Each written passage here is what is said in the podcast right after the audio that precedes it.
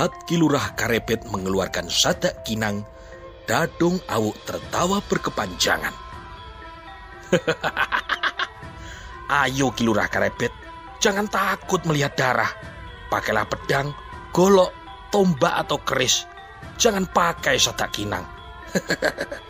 Kau ini orang yang lucu sekali, Kilurah. Kata Dadung Awuk masih berbicara sambil tertawa berkepanjangan. Kalau kau kurang puas Kilurah Karebet, kau boleh pakai keris-keris pusaka. Kiai Sengkelat, Kiai Condong Campur, Kiai Nogo Sosro atau Kiai Sabu Inten. Silahkan tusukkan ke dadaku. Kata Dadung Awuk yang merasa ilmu kebalnya tidak akan pernah bisa tertembus. Dadung Awuk, aku akan memukulmu dengan memakai sadak kinang. Apakah kau kuat menerima pukulan sadak kinang ini di dadamu? Kata Kilurah Karepet dan ia pun segera mengumpulkan semua kekuatan yang ada pada dirinya dan dipusatkan di telapak tangan kanannya. Baik, cepat Kilurah Karepet, aku tidak sabar lagi. Cepat pukul dadaku sekuat tenagamu, tantang Dadung Awuk. Kilurah Karepet ragu-ragu. Sadak kinang itu dijepit dengan dua jarinya, hanya dipegang saja, tidak dipukulkan ke Dadung Awuk. Ayo Kilurah Karepet, cepat pukul aku. Kalau kau tidak berani memukul aku, berarti sebenarnya kau adalah seorang perempuan dari pengging. Kata Dadung Awuk sambil tertawa. Kau memang sudah keterlaluan Dadung Awuk. Baik, aku turuti permintaanmu. Kau akan kupukul dengan sadak kinang. Awas, tahan pukulanku ini.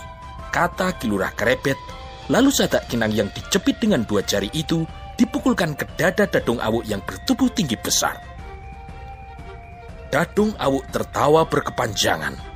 Dia percaya sepenuhnya kepada ilmu kebalnya ketika Lurah Karepet memukul dadanya dengan sadak kinang.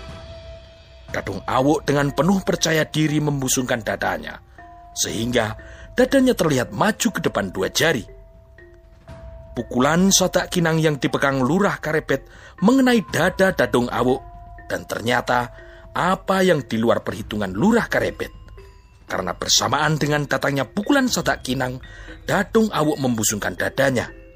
Maka secara tidak sengaja telapak tangan lurah karepet menyentuh dada. Dadung awuk hanya menyentuh tetapi akibatnya di luar dugaan lurah karepet sendiri. Sentuhan tangan lurah karepet di dada dadung awuk merupakan sebuah kesalahan lurah karepet yang terbesar. Kesalahan itu sudah terjadi dan tidak bisa diperbaiki dan tidak bisa diulang kembali. Ketika dada Dadung Awuk tersentuh tangan lurah karepet, suara tawanya terhenti. Dia merasakan dadanya seperti tertimpa bukit Sumowono yang runtuh. Dan setelah itu, semuanya terasa gelap. Dadung Awuk terlempar ke belakang, jatuh terlentang di lantai, dan tidak dapat bangun lagi. Lurah Karepet terkejut ketika melihat akibat dari sentuhan tangannya pada dada Dadung Awuk. Demikian pula Lurah Wiryo, Lurah Mada, dan seorang prajurit Wiro Tamtomo yang berada di ruangan itu juga terkejut ketika melihat akibat yang telah terjadi setelah dada Dadung Awuk terkena sedak kinang yang dipegang oleh Ki Lurah Karepet. Prajurit yang ada di dalam ruangan itu mendekati Dadung Awu. Ia meraba dadanya dan ia pun berkata, Dadung Awu sudah mati. Semuanya tertegun tidak tahu harus berbuat apa. Sampai kemudian terdengar suara karepet pelan. Apa boleh buat? Aku yang membunuh Dadung Awu. Akulah yang harus bertanggung jawab. Bukan kesalahanmu seluruhnya, Kilurah. Sikap Dadung Awuk terlalu sombong dan memancing persoalan, kata Kilurah Wiryo. Aku menjadi saksi Dadung Awuk yang telah memaksa untuk diikutkan pendadaran besok pagi, kata Kilurah Mada. Ya, apa pun alasannya, Dadung Awuk sudah terlanjur mati. Akulah yang bertanggung jawab. Sekarang, kita angkat dadung awuk ke atas samben, kata Kilurah Karepet. Lalu mereka berempat mengangkat Dadung Awuk yang sudah tidak bernapas ke atas amben. Kilurah Karebet, kau tunggu di sini dulu. Aku bersama Kilurah Mada akan menghadap Tumenggung Gajah Birowo, kata Kilurah Wiryo. Setelah itu, dua orang lurah disertai seorang prajurit bergegas menghadap Tumenggung Gajah Birowo di ruang Wirotam Tomo. Di ruangan itu, sekarang hanya tinggal lurah Karebet yang termenung lesu menunggu datangnya dua orang lurah yang melapor ke ruang Wirotam Tomo. Angan-angannya melayang-layang teringat kepada biungnya yang semakin tua dan tinggal di Tingkir. Pamannya Ganjur yang tinggal di Suronatan, pamannya Kebo Kanigoro yang sekarang tidak diketahui keberadaannya. Juga Putri Sekar Kedaton yang malam nanti menunggu kedatangannya di Kaputren, dan yang terakhir, pandangannya menerawang melihat Dadung Awuk yang telah dibunuhnya dengan sadak kinang. Ada rasa menyesal, tetapi semua sudah terlanjur dan Dadung Awuk tidak bisa hidup kembali. Entah hukuman apa yang nanti akan aku terima dari Kanjeng Sultan Trenggono, kata Karepet dalam hatinya. Kenapa Tadi aku menyentuh dadanya. Sebetulnya tadi lebih baik aku bakar saja tangannya dengan Aji Hasto Dahono. Ya, percuma saja aku menyesal. Semuanya telah terjadi. Dan kini aku yang harus bertanggung jawab. Kata Kilurah Karebet pelan.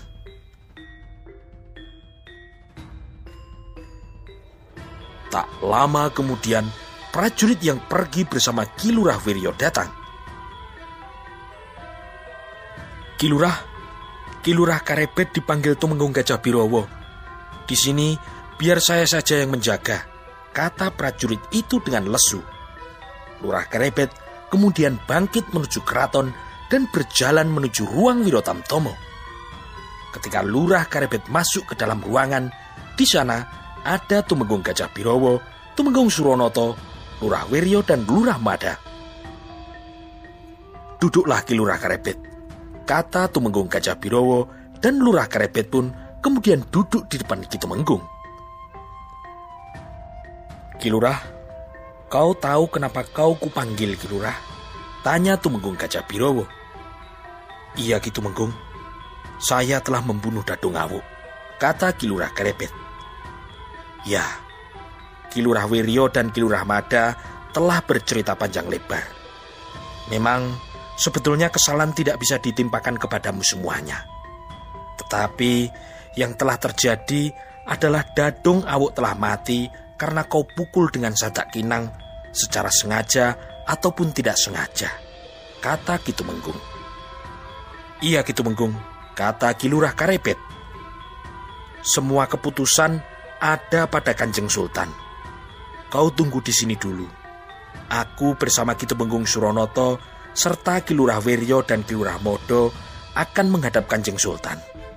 Biar nanti Kilurah berdua yang akan menjadi saksi bercerita langsung kepada Kanjeng Sultan. Kata Tumenggung Gajah Birowo. Sesaat kemudian, empat orang itu pun berjalan menuju ruang dalam. Mereka meninggalkan Lurah Karebet yang termenung sendiri di ruang Wirotamtomo. Setelah agak lama, baru terlihat mereka berempat keluar dari ruang dalam setelah baru saja mereka menghadap kepada Kanjeng Sultan Trenggono. Dari ruang dalam, Tumenggung Gajah Birowo, Tumenggung Suronoto, bersama Kilurah Wiryo dan Kilurah Mada berjalan menuju ruang Wirotamtomo. Di ruang itu, Tumenggung Gajah Birowo menyampaikan keputusan Kanjeng Sultan mengenai hukuman yang harus dijalani oleh Karebet yang secara tidak sengaja telah membunuh Dadung Awu. Itu keputusan hukuman dari Kanjeng Sultan yang harus kau jalani. Kau terima hukuman ini, Kilurah Karebet? Tanya Tumenggung Gajah Birowo. Iya, Ki Tumenggung. Saya terima hukuman ini. Dan atas kejadian tadi, saya minta maaf kepada Ki Tumenggung Gajah Birowo, Tumenggung Suronoto, Kilurah Wiryo, dan Kilurah Mada. Kata Kilurah Karebet. satu permintaan saya kepada Tumenggung Gajah Birowo. Mohon disampaikan permohonan maaf saya kepada Kanjeng Sultan, kata Kilurah Karepet. Baik Kilurah Karepet, besok akan saya sampaikan kepada Kanjeng Sultan, kata Tumenggung Gajah Birowo. Waktu terus berjalan. Siang berganti menjadi sore. Matahari sudah hampir tenggelam di cakrawala sebelah barat. Saat itu, terlihat Nyai Madusari berjalan pulang ke rumahnya melewati pintu gerbang keraton. Setelah agak jauh dari pintu gerbang, Nyai Madusari terkejut ketika dari balik pohon muncul seorang pemuda yang membawa sebuah bungkusan. Pemuda yang telah dikenalnya tiba-tiba saja telah berdiri di depannya. Eh, eh, eh, topel anak kadal. Kaget aku. Ternyata kau kilurah karebet, kata Nyai Matusari. Nyai Matusari, kata karebet. Ada apa kilurah karebet? Tanya Nyai Matusari. Nyai, hmm? Kilurah? Saat ini Kilurah harusnya belum pulang dari keraton. Dan kenapa Kilurah tidak memakai pakaian Lurah Wirotamtomo? Tanya Nyai Madusari. Nyai, aku sekarang bukan seorang lurah lagi. Dan aku sekarang juga bukan seorang Wirotamtomo lagi. Kata Karebet. Apa yang telah terjadi Kilurah Karebet? Tanya Nyai Madusari. Tadi siang, di dalam lor telah terjadi suatu peristiwa yang tidak saya duga sebelumnya, Nyai. Kata Karebet.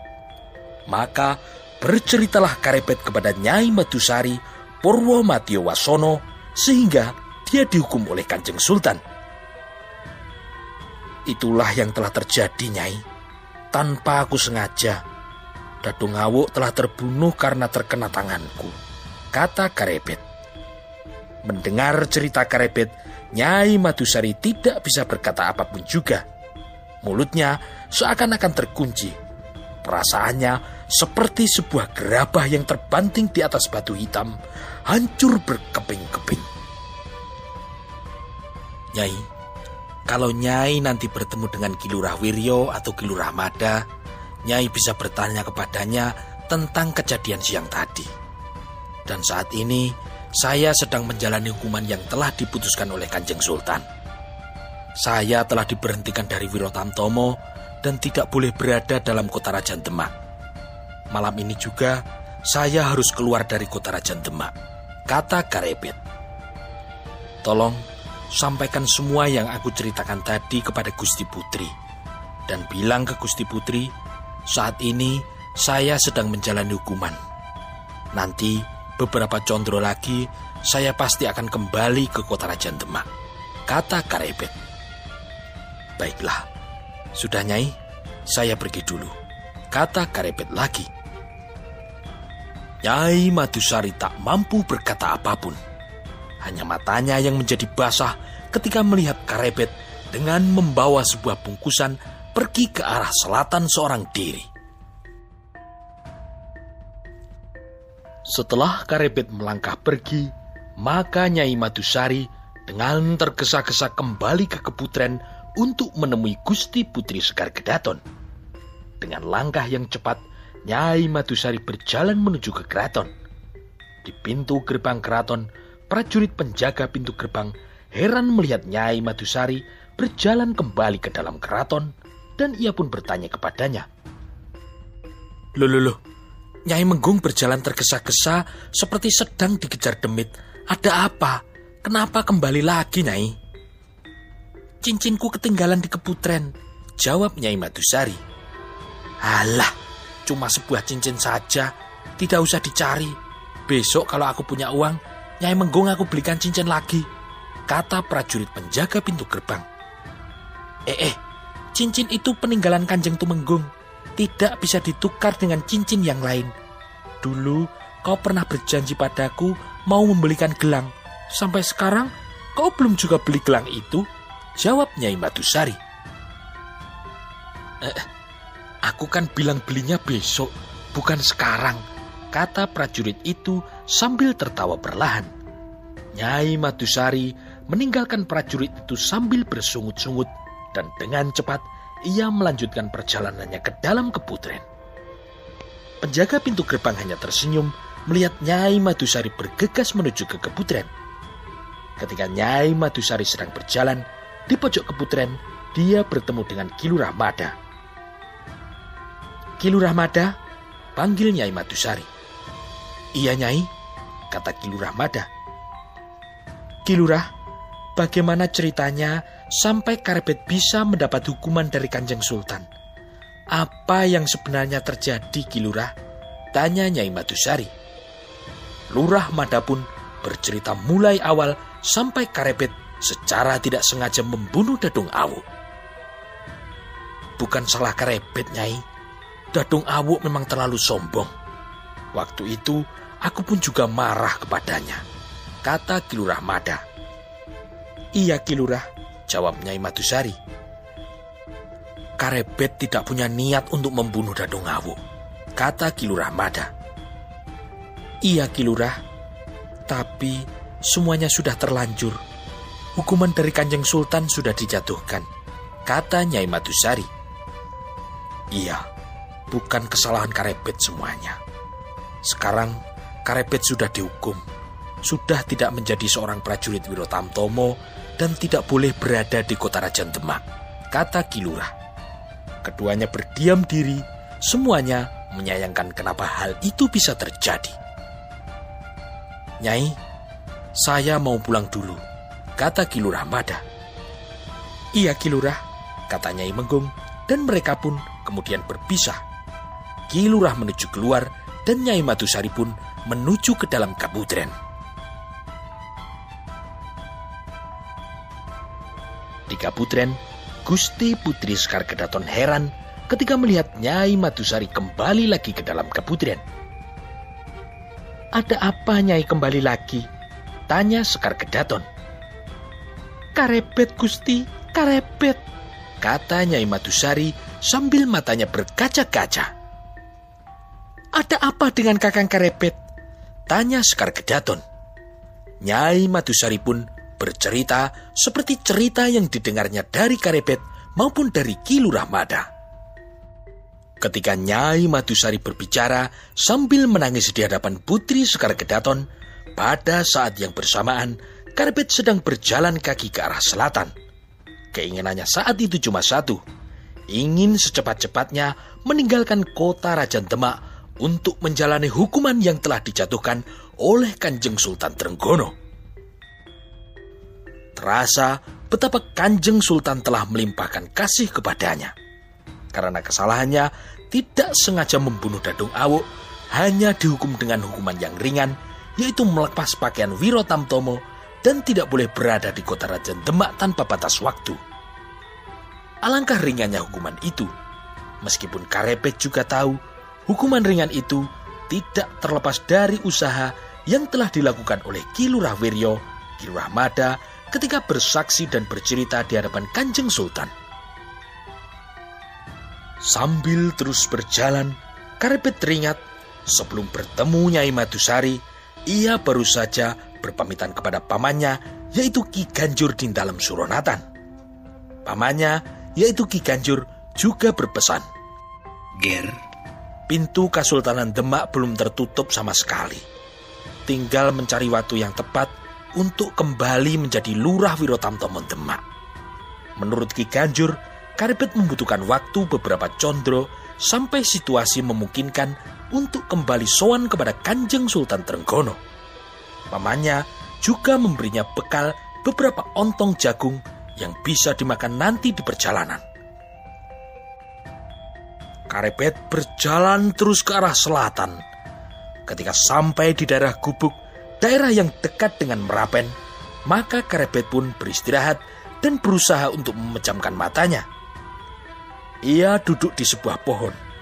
Karebet berusaha untuk bisa tidur, tetapi tampaknya angan-angan Karebet terus saja mengembara.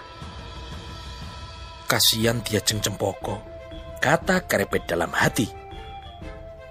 Malam semakin kelam ketika hampir fajar, Karepet hanya bisa tertidur sebentar.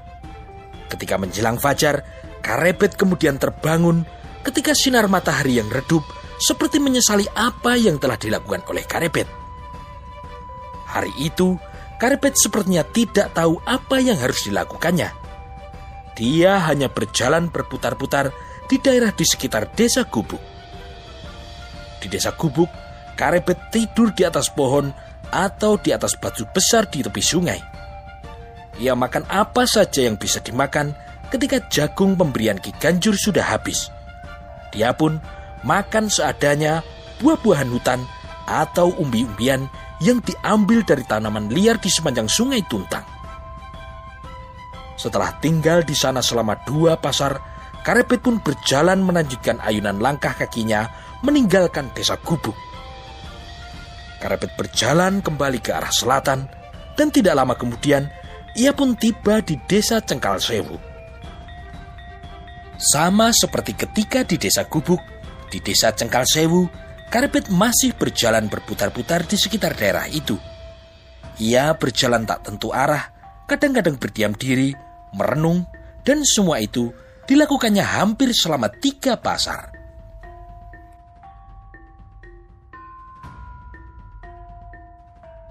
Setelah itu, timbul keinginannya untuk pergi ke arah barat daya di daerah kaki Gunung Merapi.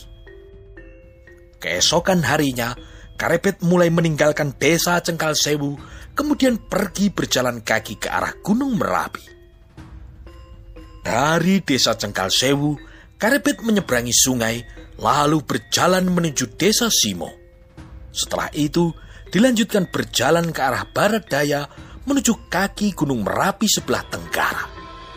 Karepet sengaja tidak mengunjungi biungnya di desa Tingkir karena dia tidak ingin membuat biungnya bersedih mendengar cerita dirinya diusir dari kota Rajan Demak.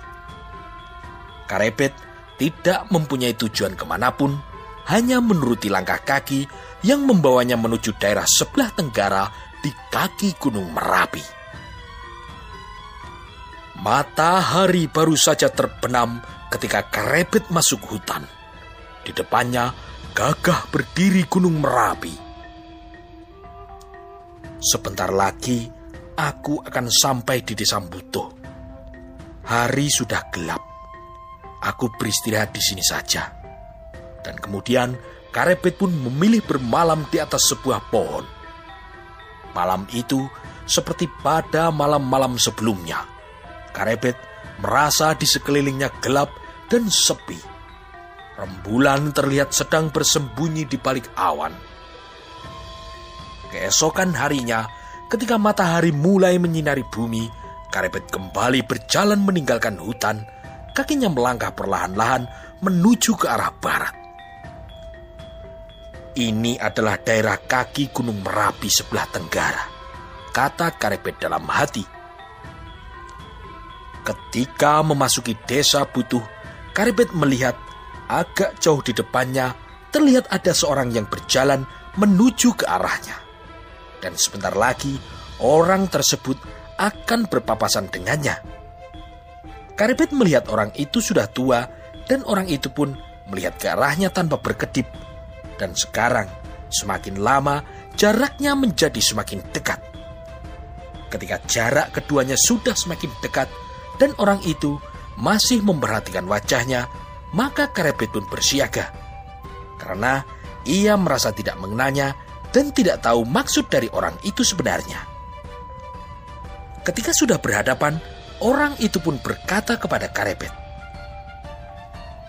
Berhenti dulu di sana kata orang tua tersebut. Anak muda, wajahmu pucat, tetapi kau mengingatkanku pada wajah seseorang. Apakah kau kenal dengan orang yang bernama Ki Kepo Kenongo atau orang yang sering dipanggil dengan nama Ki Ageng Pengging? Tanya orang tua itu. Nama saya Joko Tingkir, tetapi Siapakah Siwo ini dan ada hubungan apa dengan Ki Ageng Pengging? Kata Karepet tanpa meninggalkan kewaspadaan. Aku tinggal di desa Butuh. dan orang-orang memanggilku Ki Ageng Butuh. Sedangkan Ki Ageng Pengging adalah sedulurku Sinorowedi. Dia adalah saudara seperguruanku ketika kami masih muda dulu. Siapakah sebenarnya kau anak muda? Wajahmu persis seperti wajah Ki Ageng Pengging sewaktu masih muda dulu, kata Ki Ageng Butuh. Nama pemberian orang tua saya adalah Karebet. Tetapi saya lebih sering dipanggil dengan nama Joko Tingkir. Saya sebenarnya adalah putra Ki Ageng Pengging, kata Karebet. Mendengar jawaban Karebet, Ki Ageng Butuh mendekat dan memeluk badan Karebet. Dan di matanya kemudian mengembun titik air mata. Nak mas Karebet, Nak Mas adalah putra Ki Ageng Pengging. Berarti Nak Mas adalah sama dengan anakku, kata Ki Ageng Butuh. Akhirnya mimpiku setiap malam selama beberapa hari ini menjadi kenyataan. Mari Nak Mas, kita ke rumah dulu, kata Ki Ageng Butuh. Ki Ageng Butuh kemudian berbalik arah mengajak Karebet ke rumahnya. Sebuah rumah yang besar di desa Butuh. Nanti saja kita cerita. Sekarang nak mas Karebet mandi saja dulu.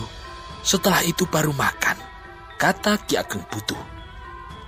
Sambil menunggu Karebet mandi, Ki Ageng Butuh pun menyuruh pembantunya untuk menyiapkan makanan untuk Karebet. Tidak lama kemudian, Ki Ageng Butuh dan Karebet telah duduk di amben di pendopo. Nak mas cepat sekali makannya, kata Ki Ageng Butuh. Iya Ki Ageng, saya sudah kenyang, kata Karebet. Nah, sekarang Nak Mas Karebet silahkan bercerita kenapa Nak Mas bisa sampai di desa Butuh, kata Ki Ageng Butuh.